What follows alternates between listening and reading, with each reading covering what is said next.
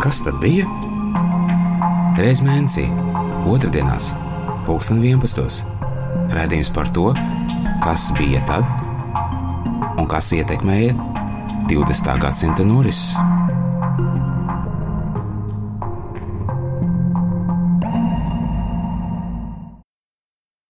Labdien, klausītāji! Sadarbībā ar Radio Naba Latvijas okupācijas muzeja vēsturnieki turpina raidījumu ciklu Kas tad bija? Šajā raidījumā turpināsim runāt par Latvijas tautas zaudējumiem Otrajā pasaules karā. Raidījumā piedalās Edvīns Evārds un Gīns Apols, labdien! Vispirms mums ir jāsaprot, kāpēc Latvijas tautai tas ir svarīgi, kāpēc ir jārunā par šo tēmu. Ir akūta nepieciešamība saistīt Latvijas pagātnes norises ar vēstures uztveru plašākos mērogos, gan Eiropā, gan visā pasaulē. Latvijā mēs parasti runājam par okupācijas periodu, kas sākās 1940. gada vasarā un turpinās vēl 50 gadus, kamēr citur pasaulē lielu uzsvaru liek uz otrā pasaules kara gadiem no 1939. līdz 1945. Krievijā un Baltkrievijā pat turpina runāt par lielo tēvijas karu, kas ir vēl īsāks laika posms un attiecās uz Padomu Savienības un Vācijas bruņoto konfliktu. Tātad mums jāturprātā, ka lielākā daļa no okupācijas radītiem zaudējumiem Latvijas tautai arī attiecās uz Otrā pasaules kara laiku, kad cilvēki zaudēja dzīvību, zaudēja brīvību, zaudēja dzimteni ļoti lielā skaitā. Turklāt jāņem vērā, ka karš sāka ietekmēt Latvijas tautu jau 1939. gada septembrī. Latvijā ieradās karavīri un bēgļi no Polijas. Dzimteni bija spiesti atstāt vācu baltieši, Latvijas pilsoņi, un tas ir svarīgi. Tāpēc atzīmēsim, ko šajā sarunā nozīmē Latvijas tauta. Mūsuprāt, visus Latvijas pilsoņus, neatkarīgi no izcelsmes, neatkarīgi no tautības, ne tikai latviešus. Un tas ir veids, kā Latvijas okupācijas muzejs vēlas arī turpmāk risināt sarunu par mūsu zemes vēsturi. Latvijas okupācijas muzejs faktiski turpina darbu ar šo tēmu. Muzejs par šo ir veidojis divus lielākus pasākumus. Pirmo, tagad jau var teikt, tālākajā 2002. gada maijā konference ar 14 zinošu vēsturnieku piedalīšanos. Otrais bija šogad, 2023. gada martā. Vēsturnes pētnieku kolokvijas ar Kāļa Kangera, Ilmāra Meža un Gata Krūmiņa referātiem. Pēdējais notika pateicoties kultūras ministrijas finansējumam. Jau minētajā konferencē Kārlis Kangeris pauda diezgan skaidru un pamatotu viedokli par zaudējumu aprēķiniem. Klausīsimies ierakstu. Savu referātu, kas man bija pagājušajā gadā mājā, es pārstrādāju un aprēķināju, un man zaudējumu skaits nonāca pie 425 tūkstošiem. Ja? Uz, uz, 5, uz 8. māju 45. gadā. Ja. Lai šos skaitļus spētu precīzāk izprast, vispirms ir svarīgi konstatēt, cik liels bija Latvijas iedzīvotāju skaits 1939. gadā. Statistikas datos par 39. gadu fiksēts skaitlis 1,95 5 miljoni cilvēku. Realitātē tas bija mazliet lielāks. Jāņem vērā, ka Latvijā bija arī laukstrādnieki no Polijas un Lietuvas, ebreju bēgļi no Vācijas, Austrijas un Čehoslovākijas. Rudenī viņiem pievienojās arī bēgļi un karavīri no Polijas. Kopā ar minētajiem sanāk ap diviem miljoniem cilvēku vēsturisko realitāšu izpratnē, svarīgi ir arī zināt, cik cilvēku Latvijā palika 1945. gada vasarā, šajā skaitlī neieskaitot padomju okupācijas karaspēku. Šeit klausīsimies Ilmāra Meža domas. Tātad šis iedzīvotāju kopskaits, šis 1,5 miljoni, manuprāt, ir pietiekoši ticams, lai mēs to izmantotu. Un, protams, tur ir viss Viss vaļā, maisam gals vaļā, kas nu ir šie iztrūkstošie iedzīvotāji, kurš ir trimdā, kurš ir Sibīrijā, kurš ir uh, bojā gājis un, un kādā kategorijā bojā gājis. To visu teikt, ir, ir jārisina un mums varētu palīdzēt šī nākotnes, šis mans otrais sapnis par šo datu bāzi. Un, uh, varbūt pat viņi varētu būt kaut kādā veidā publiska, kur cilvēki, kas varbūt varētu uzrakstīt, jā, bet mans vectēvs tur mira, vai viņš veiksmīgi nodzīvoja, uh, un, un vēl, vēl otra ģimene bija un, un tam līdzīgi, kas varētu radīt Latvijas nelielie mūsu iedzīvotāju skaita apjomi, tikai tas divi miljoni, es domāju, būs pa spēkam, vajadzētu būt pa spēkam arī mums to apkopot. Kara laikā Latvijā bija arī ieradušies bēgļi un piespiedu kārtā pārvietotie cilvēki no Krievijas un Baltkrievijas. Pamatā tie tomēr bija Latvijas pilsoņi, tāpēc varam spriest par Latvijas tautas zaudējumiem kara laikā. Salīdzinot abus minētos skaitļus, rodas loģisks jautājums. Kā veidojās šie cilvēku resursu zaudējumi? Tie bija cilvēki, kas kara laikā vispirms bija zaudējuši savas dzīvības, otrkārt zaudējuši savu dzimteni, vai nu devušies bēgļu gaitās uz Vāciju, Zviedriju vai PSRS, vai izsūtīti no Latvijas, arestēti un nosūtīti uz soda nometnēm vai cietumiem Padomju Savienībā, piespiedu kārtā pārvietotie uz Vāciju. Tāpēc varam tautas zaudējumus skatīt no trim viedokļiem.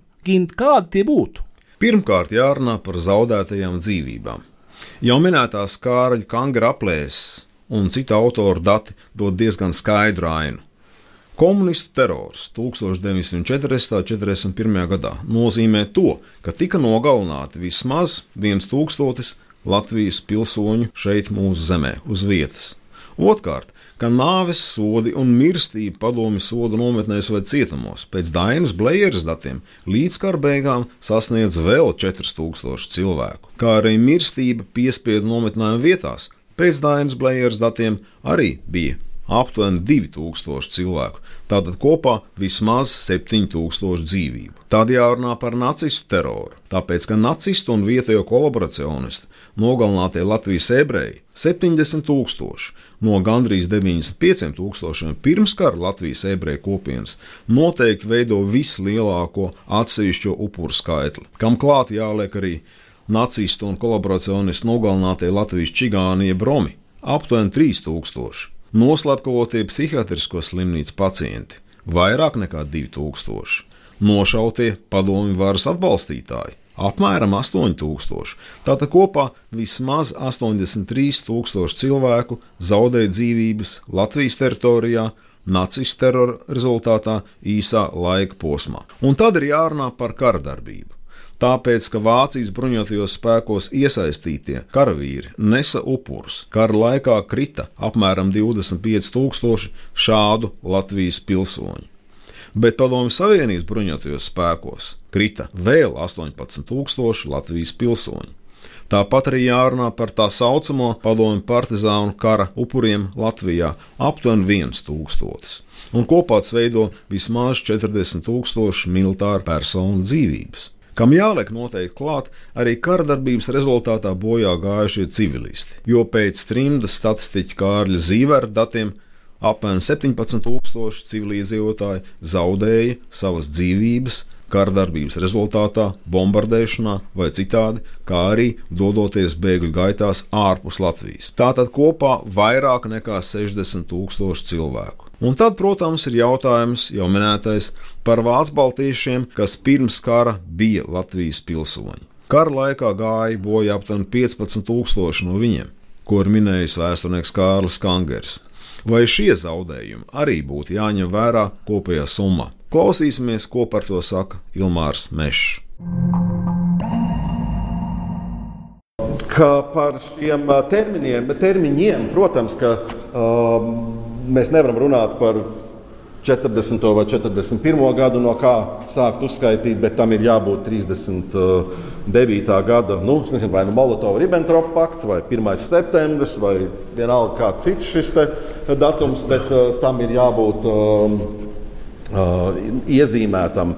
Jo ne tikai šie liela daļa vāciešu, kas jau devās prom, un es esmu dzirdējis viedokļus, ka jā, bet starp viņiem bija daudz Hitlera piekritēju, un caur to mēs attaisnotu, ka mēs viņus nerēķinām vairs par Latvijas pilsoņiem, par Latvijas uh, iedzīvotājiem. Manuprāt, tas nav taisnīgi, jo ir tiesības cilvēkiem ieņemt dažādus viedokļus, un, un neba mēs būsim tie, kas viņus nosodīsim uh, par, par vienu vai otru piekrišanas paušanu.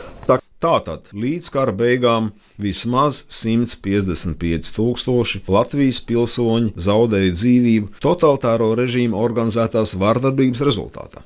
Otrais un nemazāk svarīgais aspekts - ieslodzījuma vai izsūtījuma rezultātā zaudētā brīvība vismaz četrām iedzīvotāju cilvēku kategorijām. Padomju varas apcietinātās personas 1940. un 1941. gadā veido 7000 cilvēku, Otrais - 1941. gada 14. jūnijā izsūtīšana pēc uh, jaunākiem vēsturnieku Aināra Bambala aprēķiniem - 16,000 cilvēki. Trešais - pārvietoti uz koncentrācijas nometnēm Vācijā. Kara laikā 12,000 cilvēku, un visbeidzot, padomju varas apcietinātie 1944. un 1945. gadā, kas uh, veido 9,000 cilvēku. Tātad kopā 45,000 cilvēku. No tiem karu pārdzīvo mazāk nekā 35,000 personas. Un tad nāk trešais aspekts - zaudēta dzimtene. Sākot jau no 1939. gada ir jāmin Vācu baltiešu izceļošana, šī gada decembrī, nākošā gada janvārī, kas veido kopā vairāk nekā 50 tūkstoši Latvijas pilsoņu. Gan vācu tautības, gan arī ģimenes locekļus, kas bija latvieši, krievi, poļi un pat ebreji. Tad seko arī Vācu baltiešu izceļošana 1941. gada sākumā, kas ir vēl 11,000 šāda veida Latvijas pilsoņu. Un jau drīz arī civiliedzīvotāju evakuācija vai beigšana uz Padomu Savienību 1941. gada vasarā - vēl 53,000. Kara beigās, protams, arī civiliedzīvotāju bēgšana no Latvijas uz Vāciju - 105 tūkstoši, un tad arī bēgšana laivās uz Zviedriju - vēl gandrīz 5 tūkstoši, kā arī darba spēka pārvietošana uz Vāciju gan brīvprātīgi, gan piespiedu kārtā vismaz 16 tūkstoši cilvēku no Latvijas. Un, jā, protams, Latvijas karavīri ārpus Latvijas, Vācijas bruņotajos spēkos, ieskaitot kara beigu posmā kritušos, būs apmēram 40 tūkstoši. Un tad pēdējais jautājums par to, ka no Latvijas tiek atdalīta Abrenes teritorijas daļa kur pievieno Krievijas padomu Federatīvai Sociālistiskai Republikai tīri administratīvi, un šādā veidā ārpus Latvijas paliek vēl 42,000 Latvijas pilsoņu. Tātad kopā aptuveni 320,000 pilsoņu, no kuriem karu pārdzīvoja apmēram 275 tūkstoši. Šajā brīdī mēģināsim saprast kopainu. Pēc vēsturnieka Kāļa Kangera aplēsēm līdz 1945. gada vasarai Latvija bija zaudējusi gandrīz 470 tūkstoši pilsoņu, kas veido aptuveni 24% no 1939. gada situācijas. Tiesa, pēckara gados No Vācijas un PSRS atgriezās Latvijā apmēram 100 tūkstoši cilvēku, taču vismaz 370 tūkstoši personu, jeb aptuveni 18%, bija zaudēti neatgriezniski vai uz ilgāku laiku. Gint, ko šie aprēķini nozīmē? Kāpēc mums tagad būtu jāiedziļinās skaitļos? Tāpēc, ka pat zinātniskā literatūrā tiek minēti ļoti atšķirīgi skaitļi un viedokļi no nepilniem 300 tūkstošiem kara laikā līdz pat 670 tūkstošiem tajā pašā periodā. Un lasot to visu, cilvēki vienkārši apjūg. Taču šeit ir vajadzīga skaidrība. Arī tāpēc, lai cīnītos ar dezinformāciju un Krievijas aktīvo propagandu, pārspīlējumu šajā jomā nepalīdz.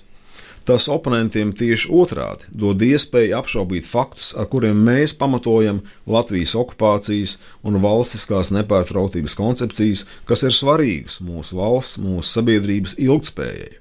Un okupācijas muzeja rīkotie pasākumi, gan minētā konference, gan vēstures pētnieku kolokvijas, dod labi pamatotus un realistiskus skaitļus, kas objektīvi atspoguļo Latvijas tautas likteni Otrajā pasaules karā un arī Latvijas situāciju plašākā Eiropas vai pasaules vēstures kontekstā. Mums ir jāspēj saprast, vai šie skaitļi kaut ko maina, vai precīzāk tiem ir ko jāmaina mūsu sabiedrības ierastajos priekšstatos par vēsturi. Tie maina un tiem būtu jāmaina diezgan daudz. Tāpēc, ka sabiedrības priekšstos padomju varas veiktās deportācijas ir nostiprināts kā galvenais tautas ciešanu stāsts, kuru mēs atkārtojam katru gadu 14. jūnijā un 25. martā. Objektīvi tas, protams, neizsmeļ šo tēmu, tās nav vienīgās Latvijas tautas ciešanas. Ja mēs visu tautību Latvijas pilsoņu dzīvības vērtējam vienlīdz augstu, tad ir jāatzīst, ka nacistu terora upuru skaits ir lielāks, un tur traģiskā nozīmē izceļas Latvijas ebreju likteņi holokausta laikā. Bez tam nav nekāda pamata likt priekšplānā civilizētāju un nometinājumā izdzīvojušo cilvēku stāstus, noklusējot par noslapkavoto cilvēku vai kritušo karavīru likteņiem kara laikā. Un, protams, šāda ciešana hierarhijas būvēšana ir problemātiska no ētikas viedokļa. Taču jāturprātā, ka tautas ciešana un zaudējuma summa zaudēto dzīvību aspektā ietver vairākus elementus. Pirmkārt, nacistu terora upurus, otrkārt, kritušos Latvijas karavīrus, treškārt, kardarbībā bojā gājušos civilistus, un tad, protams, ceturtkārt, padomju terora upurus. Ja runājam par cilvēkiem, kas zaudēja brīvību, tad arī būtu svarīgi atšķirt izsūtīto un soda nometnēs ieslodzīto cilvēku likteņus. Galu galā atrašanās grūtos apstākļos nometnējuma vietā, bez tiesībām atgriezties dzimtenē, ir ļoti slikti, protams, bet tajā pašā laikā atrašanās cietumā vai soda nometnē vēl grūtākos apstākļos arī dažos un daudzos gadījumos saņemot nāves sodu, ir pieminēšanas vērts liktenis, kuru mēs, diemžēl, visu paliekam zem viena vārda - deportācijas. Realtātē tomēr tās ir divas nedaudz atšķirīgas pieredzes. Un tāpat vērts minēt to, ka grūtības, ko piedzīvoja karavīri frontē, arī būtu salīdzināmas ar bēgļu gaitu pieredzi gan rietumos, gan austrumos. Karavīri pavadīja mēnešus un gadus nāves briesmās, ierakumos, augstumā, mitrumā, pārtiks trūkumā. Un šeit mums derētu ņemt vērā vienu lietu, kā arī no okupācijas muzeja viedokļa, un tīri no taisnīguma viedokļa. Visu Latvijas cilvēku likteņi ir vienlīdz svarīgi. Gan vīriešu, gan sieviešu, gan pieaugušo, gan bērnu, gan veco cilvēku. Domāsim par to! un atcerēsimies vēlreiz katrs savu tuvinieku likteni, lai kādai no minētu upuru kategorijām tie nebūtu piederīgi. Šodienai paldies par uzmanību. Ar jums šodien bija vēsturnieks Edvīns Evārds un Gīns Apals. Paldies!